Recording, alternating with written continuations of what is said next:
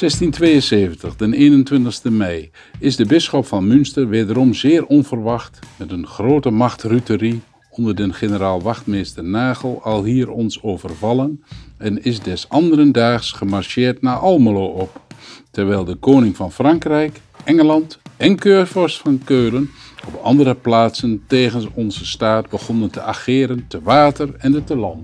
Kijk, prachtig. Mooie zin, hè? Ja. En, en- Nieuwslezer. Ja. Geruineerde boerenplager,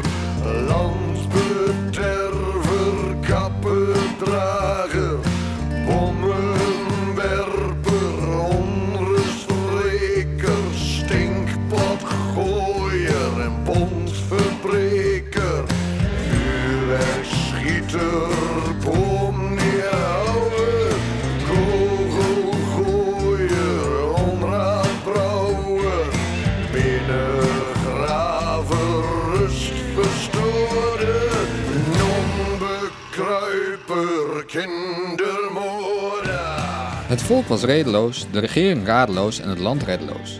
Die slagzin leerden we vroeger allemaal op school. Hij gaat over het rampjaar 1672. Frankrijk, Engeland en de bisschoppen van Münster en Keulen vielen met gigantische legers de Nederlandse Republiek binnen. Overijssel gaf zich al na een maand over aan de Münsterse bisschop Christophe Bernhard van Galen, beter bekend als Bommerberend. De snelle capitulatie werd binnen de Republiek altijd gezien als hoogverraad. Maar klopt het eigenlijk wel dat onze provincie zo laf was? Of zat er misschien meer achter?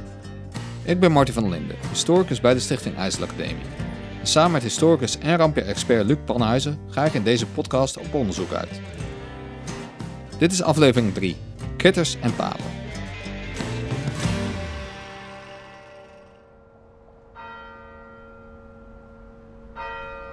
...3 oktober 1672 heeft de generaal Nagel door aanraden der papen ons een kerkenbeker met geweld van mij geperst en dezelfde aan dito papen overgegeven. Mooie bron. Dat is een hele mooie bron, ja. Die Abraham van La was een, was een bijzondere dominee. Hij, eh, hij was eigenlijk te goed voor deze kleine, eh, kleine plaats, maar hij had een zwakke gezondheid. En dat is wel de verklaring dat hij niet beroepen is uiteindelijk naar grotere gemeenten. Een hele mooie bron.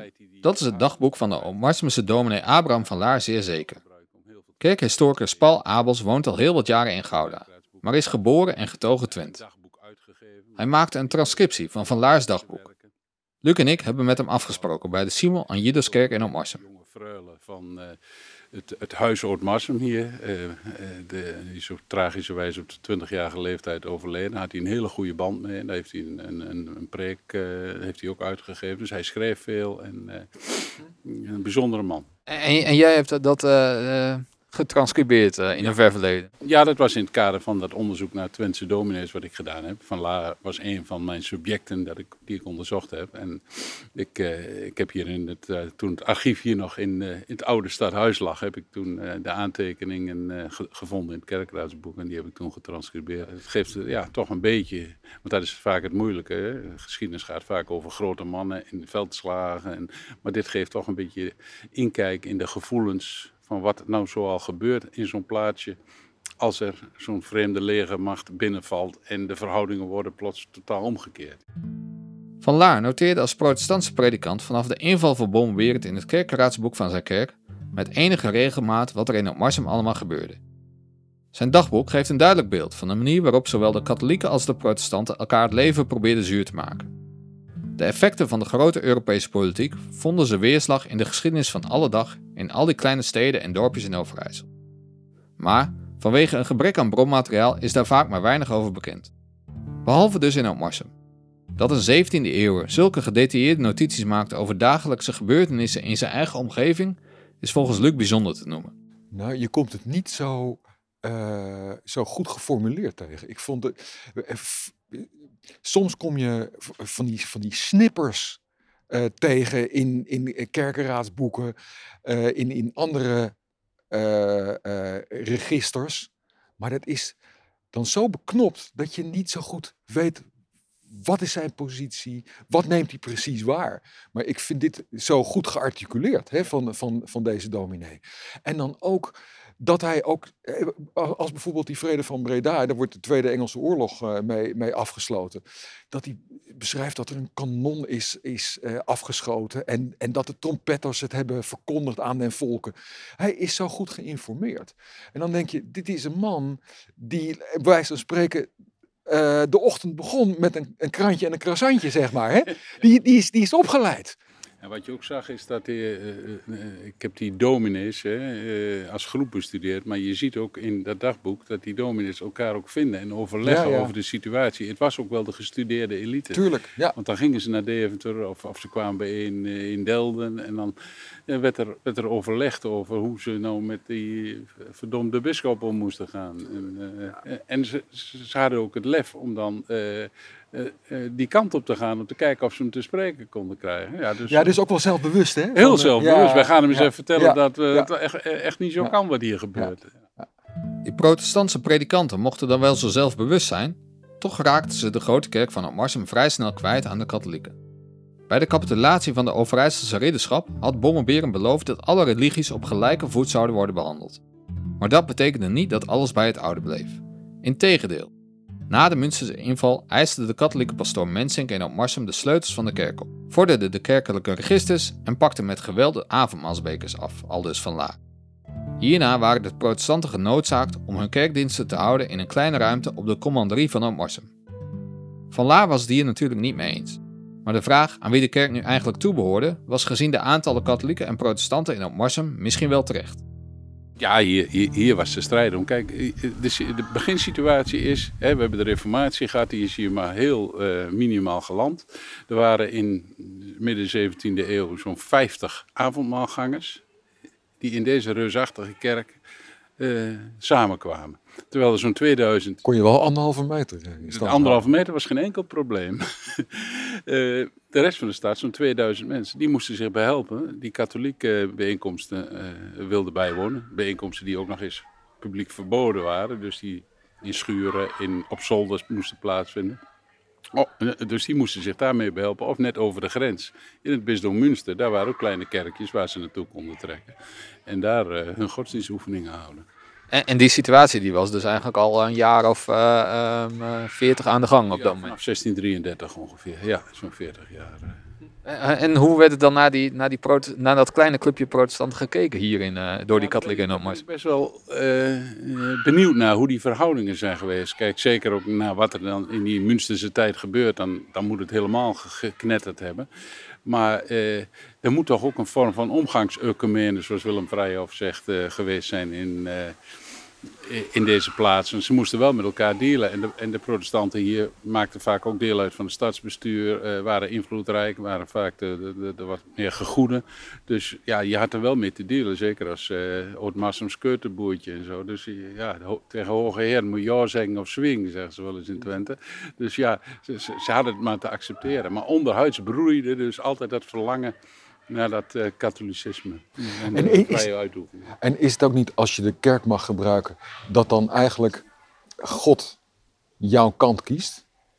Ja, ja want dit, dit, dit, dit is natuurlijk gebouwd. Dit is een, een monument van gemeenschap. Dit heeft de gemeenschap gezamenlijk opgebouwd. En, en hier, dit is de heilige plek. Daar, daar vindt het allerheiligste plaats wat er in een geloof kan zijn. Of het nou het avondmaal is of de, de, de Eucharistie.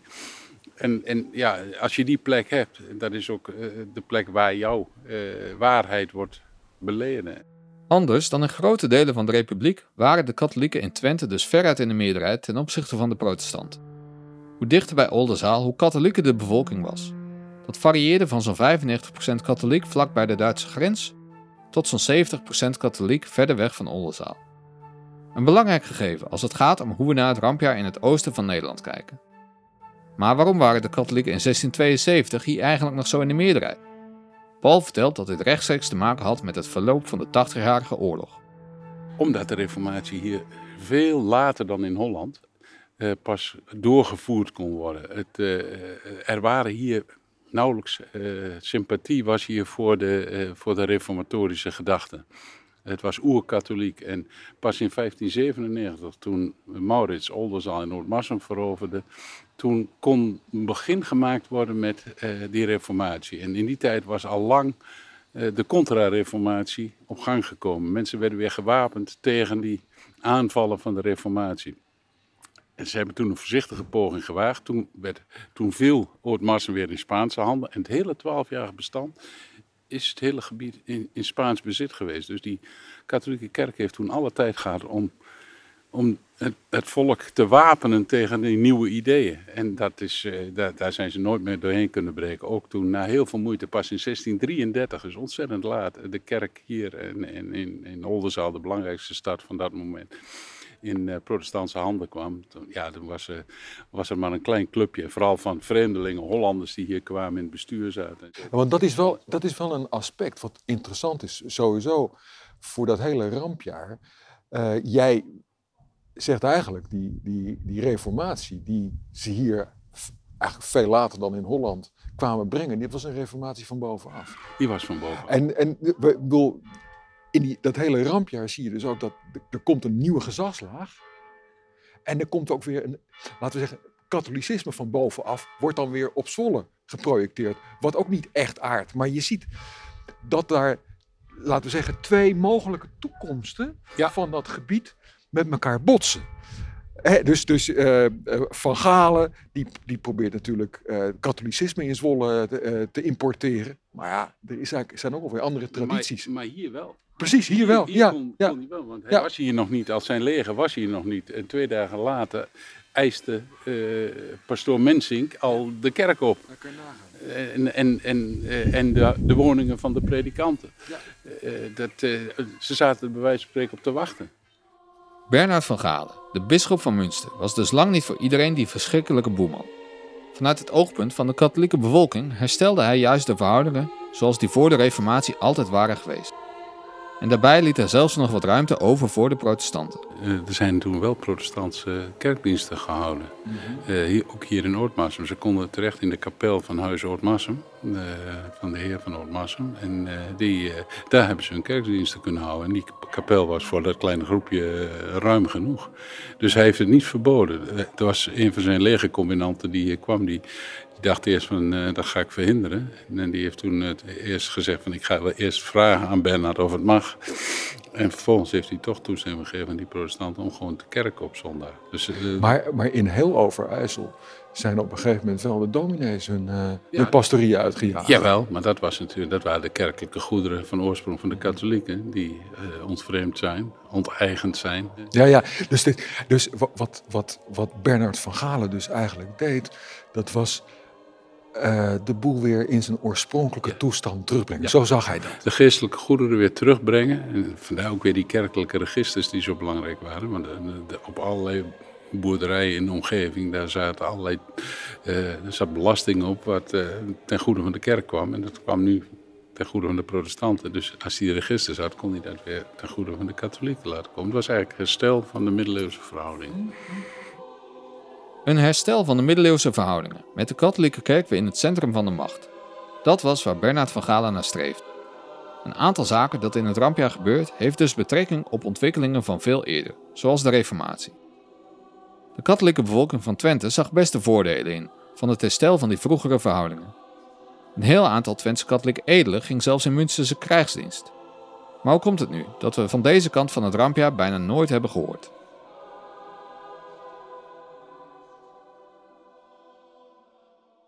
Ik las het nog in de recent verschenen geschiedenis van Oldenzaal. Daar wordt uh, bommenberend simpel afgedaan. Als dat iedereen een hekel aan hem had. Want hij werd dan Bernard de Koordeef genoemd, Bernard de Koedief en, uh, en bommenberend. En uh, was alleen maar drieste keer aan het gaan met zijn uh, legers. Maar eigenlijk wordt daar voorbij gegaan dat, dat er ook een soort gevoel van bevrijding is geweest voor een heel groot deel. En zeker in, in Twente. Kijk, in Groningen zaten ze niet op hem te wachten. En dat ze hem daar bommenberend noemt, dat snap ik. Maar hier in Twente is die toch eigenlijk met open armen ontvangen. Uh, en dat, dat mis ik ook in de historiografie. Want het wordt heel erg, denk ik, door het Gronings perspectief uh, benaderd, de bisschop van Münster. Terwijl het Twents perspectief, Groningen was niet meer katholiek, was oer-protestant geworden. Maar dat Twentse en, en het Achterhoekse perspectief. Hij had natuurlijk ook in Borculo ook nog uh, belangen die hij uh, wilde zekerstellen. Maar, maar daar, daar was men niet zo afkerig van hem. En hoe verklaar je dan, Paul, dat uh, um, in de beeldvorming daarna Bommenwerend, bisschop van Münster, Bernard van Galen, eh, toch de grote boeman is eh, Ja, geworden. in, in de Hollandistische geschiedschrijving was hij natuurlijk, en, en zeker ook de Orangistische geschiedschrijving, was hij natuurlijk de vijand, net als de Spaanse koning. De katholieken werden altijd al gewantrouwd om hun banden met Spanje. En dat zette zich ook hier weer voort, de banden met de andere mogendheid, de bisschop van Münster. Alleen vergeet je dan vanuit een Hollandistische visie dat bijvoorbeeld Münster, dat waren hier de buren. Dat was heel dichtbij. En dat, die spraken dezelfde taal. Je kon elkaar verstaan over de grens hier. Eh, eh, ze hadden hetzelfde geloof, het katholicisme. Eh, Holland was, was buitenland voor de tukker.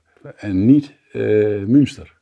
Want daar gingen ze ook ter kerken. Want daar konden ze gewoon vrij hun katholieke geloof ook. Daar konden ze ook aan processies deelnemen. Dat mocht allemaal hier niet. Deelnemen aan katholieke processies. Zulke openbare uitingen van het katholieke geloof waren in de protestantse republiek streng verboden. Dus toen dat onder het Münsterse bewind weer mogelijk was, maakten de katholieken in Opmarsen meteen dankbaar van die gelegenheid gebruik. Tot groot ongenoegen van dominee van Laar. Een dag, een dag later wordt de kerk al opgeëist. En eh, dat is natuurlijk het eerste. Hè. Je moet het grote heiligdom moet je weer in handen krijgen. En dan ga je ook in, in, in ga je je katholieke geloof beleiden. Dat is in de kerk, maar dat is ook buiten de kerk. Want die processies, dat was een wezenlijk onderdeel van de geloofsbeleving. En hier in Oortmarsum was de grote processie op de naamdag van de, de patroonheiligen, Simon en Judas. En eh, op, die, op die dag werd, eh, werd dus ook meteen een grote processie gehouden. Een, eh, een optocht, zeg maar, met, met, met, met beelden, met kaarsen. De dominee beschrijft ook dat ze allemaal waskaarsen in de hand hadden en takken in de hand. En dan gingen ze vanuit de kerk door de stad naar het Hazelrot. Dat is hier bij het Engelstuin. En dan weer terug. Dus een hele, hele optocht eigenlijk. En dat was eigenlijk van Laar, was dat een doorn in het oog? Omdat, dat Ja, ja, tuurlijk. Dit waren paapse superstition, zoals dat genoemd werd. eh, eh, ja, dat was een gruwel voor, voor, eh, voor, voor protestanten. Want die, ja, eh, de reformatie leert dat het enige wat telt is het, eh, het woord gods, zoals dat in de Bijbel beschreven staat. Dus alle aandacht moet op het woord gods gericht zijn. En al die heilige vereringen, al die, die, die ja, eh, katholieke eh rimram, dat, eh, ja, dat, dat, daar gruwelden ze van. Dus dat dat in zijn stad plots openlijk werd eh, gedaan, ja, dat, dat vond hij gruwelijk. Een van die prachtige zinnen uit het dagboek van een preek eh, die gehouden is door, door eh, dominee Franke, de collega van Van La. Mijn zielen drupt weg van treurigheid. Prachtig, inderdaad. Ja. Het houden van de heilige mis, de eucharistieviering, processies, het was allemaal weer toegestaan door Bommenberend. Terwijl ook de protestanten in de hofkapel op Huis op Marsum hun erediensten mochten blijven vieren. Al moesten zij onder dit katholieke bestuur wel op hun tellen passen. Helemaal toen de oorlog na de nederlaag tegen Groningen en het verlies van Koevoorde eind 1672 voor Bommenberend niet meer zo voorspoedig verliep. Toen werden de teugels strakker aangetrokken. In juni 1673 werd Van Laar zelfs beschuldigd van majesteitsschennis. Het was in de tijd dat uh, Koevoorde gevallen was, hè, dat de bisschop Koevoorde kwijtraakte. En dan uh, lijken de protestanten, althans volgens de katholieken, iets te uitbundig gejuicht te hebben en uh, afgegeven te hebben op Bernard van Galen. En dan hebben de katholieken, althans dat is het verwijt van de dominee, die, uh, die hebben daarover geklaagd. En, en toen is er een, zware boete wegens majesteitsschennis aan de protestanten uh, de boete opgelegd. En, en die moesten toen binnen veertien dagen duizend rijksdaalders ophoesten om de boete te betalen voor die majesteit. En dat is door de katholieken aangejuicht. En als later de bisschop verdreven is, dan pakken de protestanten het terug. En dan moeten de katholieken die 1000 euro betalen, maar uh, nog met 2000 extra boete uh, vanwege alle onkosten die daarmee gepaard waren. Oh, dus een le lekkere verzwaring. Ook ja, verzwaring, ja, ja, ja, met rente. Ja, behoorlijk. Hey, en uh, Van Laar die heeft ook nog een, een poosje gevangen gezeten op, op Twickel. Ja, dat, is een, een soort retortiestrijd. Dat had je ook al gehad in de tijd uh, toen, uh, toen Oldenzaal definitief viel. dat men over en weer predikanten en, pastoors ging arresteren. Dus over en weer, en die werden als een soort uitruil tegenover elkaar gebruikt. Er werd losgeld geëist of ze werden tegen elkaar uitgeruild. Maar Van La heeft daar toch een, een hele tijd op Huis Twikkel gevangen gezet. Ja. De kerk kwijt aan de katholieken, flinke boetes en een gevangenschap van een paar maanden. Het rampjaar en het daaropvolgende Münsterse bewind klinkt niet als de meest prettige periode voor die protestantse dominee van Laar. Zijn opluchting was dan ook groot toen de oorlogskansen definitief keerden en Bommelberend op 22 april 1674 genoodzaakt was om in Keulen vrede te sluiten met de Republiek, onder de voorwaarde dat hij alle door hem veroverde gebieden weer zou verlaten. In Opmarsum zouden de Münsterse troepen ongeveer een maand later vertrekken, maar eerst vond er nog een soort van dolle dinsdag plaats. Ja, want eh, ze dachten al, de protestanten, dat ze weer, eh, dat ze weer in de lead waren. En toen trok plotseling eh, het, het leger van Rabenhaupt trok weg hier. Toen waren ze dood dat de, Münster, de bisschop van Münster wegkwam. En dan ontstaat er zo'n tijd van, ja, welke kant gaat nu winnen? En, en, en, dus dan zijn ze toch weer voorzichtiger in het opeisen van bepaalde dingen. Of om, om zich openlijk te manifesteren of zich te tussen je uit te spreken. En pas als het echt duidelijk is dat, als er eigenlijk de vrede gesloten is, dan gaat echt de vlag hieruit. Dan wordt de klok weer eh, luid geluid en eisen de protestanten, eh, de oranje vlag gaat uit. En dan is de protestanten weer, hebben ze de kerk en dan voelen ze zich veilig en dan is het gedaan. Iets te vroeg gejuicht dus. Maar na een periode van bijna twee jaar waren de Münsterse dan toch echt vertrokken. En werd de status van de protestantse minderheid in Opmarsum als bevoorrechte religie in de republiek weer in ere hersteld. Nu waren de katholieken weer gedwongen om de sleutels van de kerk, de registers en de avondmaalsbekers te overhandigen. Al ging dat volgens Van Laar niet zonder slag of stoot. En hebben de papen de kerk niet willen overgeven van voor dezelfde vertrek, niet tegenstaande dat zij daarom dikwijls zijn aangemaand op het fundament van de vredesartikelen, ja, zo, zijn zo stout geweest dat zij op dezelfde dag, toen wij haar de sleutels van de kerk hadden laten afeisen, tegens den avond, met alle de klokken hebben laten luiden.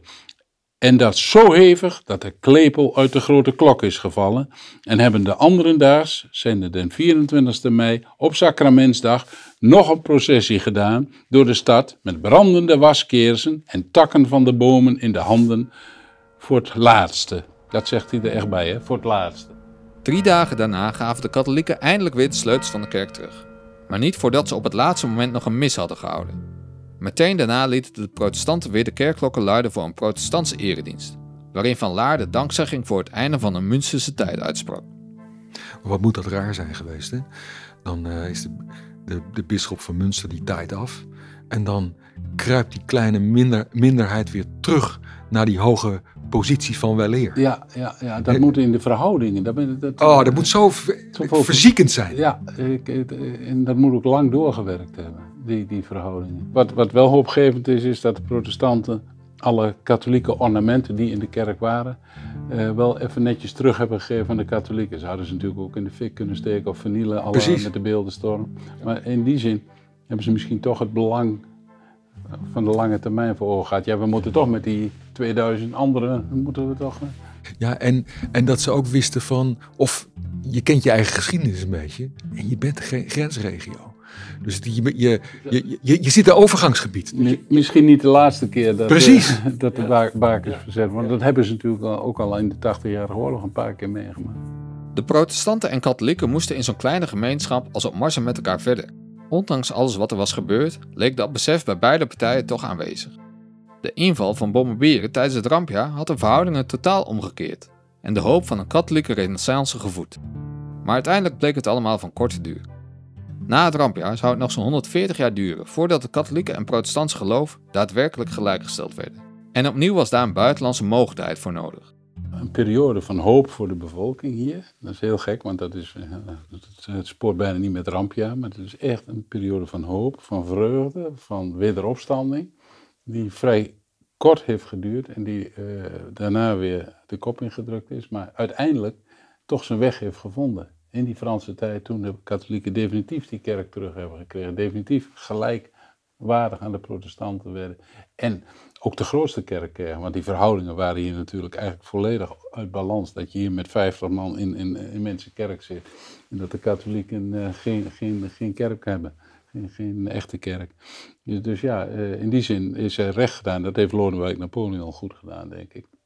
Aangevoeld van, het moet in balans zijn met de werkelijke verhoudingen. Dus het is een soort voorafschaduwing van wat nog gaat komen. En, en terwijl in de, de geschiedschrijving, wat je ook zei, komen de katholieken er niet, eh, niet eh, heel goed van af over deze periode. Nee, maar ook de bisschop van Münster niet. Eh, mijn overbuurman heeft prachtig gezegd, hield meer van kruiddampen dan van wierook. Maar het, het was, dat is natuurlijk het rare, een bisschop als krijgsheer.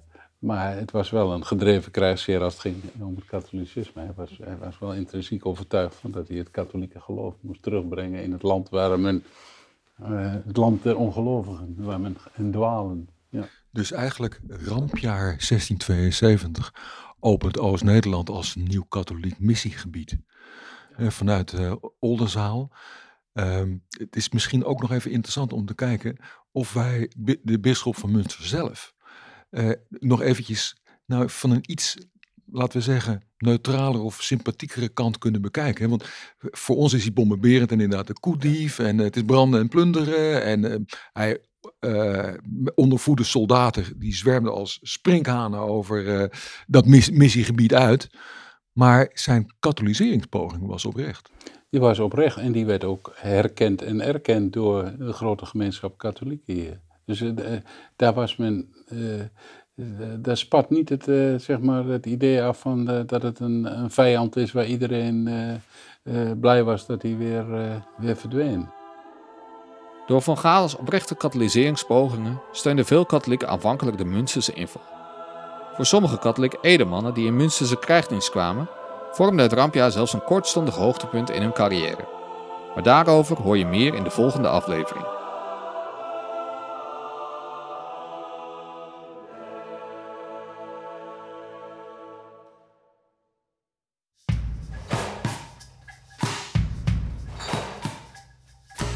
Deze podcast werd gemaakt door de IJsselacademie met hulp van Martine de Boer, Marco Krijnsen, Martine van der Veer en Esther van Velde. De titelsong is van Hendrik Jan Bukkers. Montage en sounddesign zijn gedaan door Michiel van Poelgeest van audioproductiebedrijf Klank. De provincie Overijssel maakte onze podcastserie over Bommenberend in Overijssel mogelijk. Wil je meer weten wat er naar aanleiding van 350 jaar rampjaar in Overijssel allemaal te doen is? Kijk dan op bommenberendinoverijssel.nl. Vond je deze podcast nou leuk? Laat dan een beoordeling achter zodat anderen hem ook kunnen vinden. Of deel hem op je social media. Wil je meer podcasts van de IJsselacademie horen? Zoek ons dan op in je favoriete podcast app. Voor nu, bedankt voor het luisteren.